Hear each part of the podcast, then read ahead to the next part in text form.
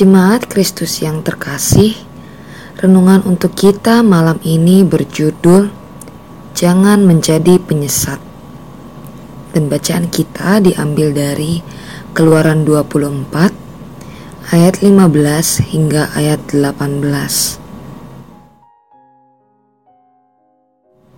Begini firman Tuhan. Masakan aku ini hanya Allah yang dari dekat, demikianlah firman Tuhan, dan bukan Allah yang dari jauh juga. Sekiranya ada seseorang menyembunyikan diri dalam tempat persembunyian, masakan aku tidak melihat dia? Demikianlah firman Tuhan. Tidakkah aku memenuhi langit dan bumi? Demikianlah firman Tuhan. Aku telah mendengar apa yang dikatakan oleh para nabi yang bernubuat palsu demi namaku dengan mengatakan, "Aku telah bermimpi, aku telah bermimpi." Sampai bila mana hal itu ada dalam hati para nabi yang bernubuat palsu dan yang menubuatkan tipu rekaan hatinya sendiri. yang merancang membuat umatku melupakan namaku dengan mimpi-mimpinya yang mereka ceritakan seorang kepada seorang. Sama seperti nenek moyang mereka melupakan namaku oleh karena Baal. Nabi yang beroleh mimpi, biarlah menceritakan mimpinya itu. Dan Nabi yang beroleh firmanku, biarlah menceritakan firmanku itu dengan benar Apakah sangkut paut jerami dengan gandum? Demikianlah firman Tuhan. Bukankah firmanku seperti api? Demikianlah firman Tuhan. Dan seperti palu yang menghancurkan bukit batu. Topik tentang nabi palsu memang tak akan pernah habis untuk dibahas. Karena selain ini sudah menjadi nubuatan bahwa mereka akan datang dan mengacaukan kehidupan orang-orang benar, para nabi palsu ini juga banyak memiliki cara untuk menarik perhatian orang dan menyesatkan mereka yang dalam bacaan kita saat ini dikatakan bahwa mereka memakai cerita mimpi yang meyakinkan.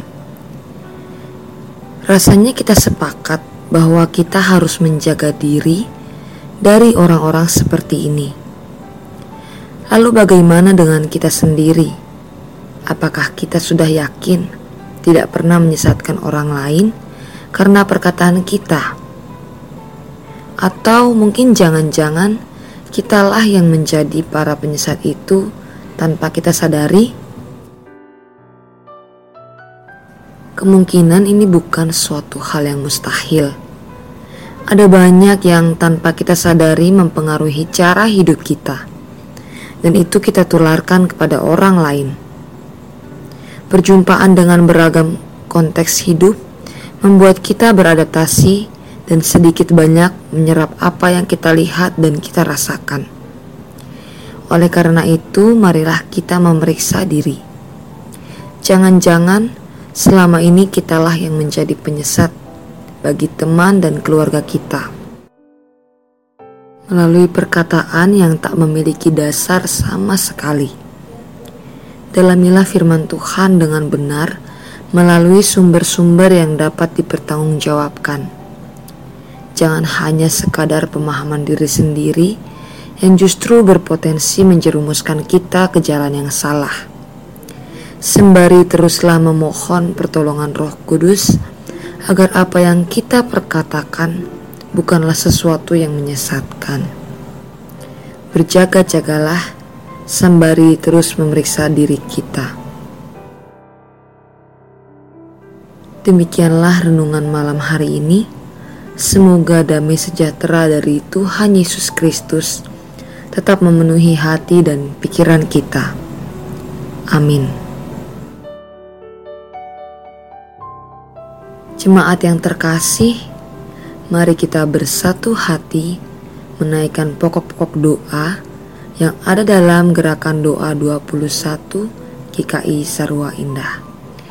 Mari kita berdoa.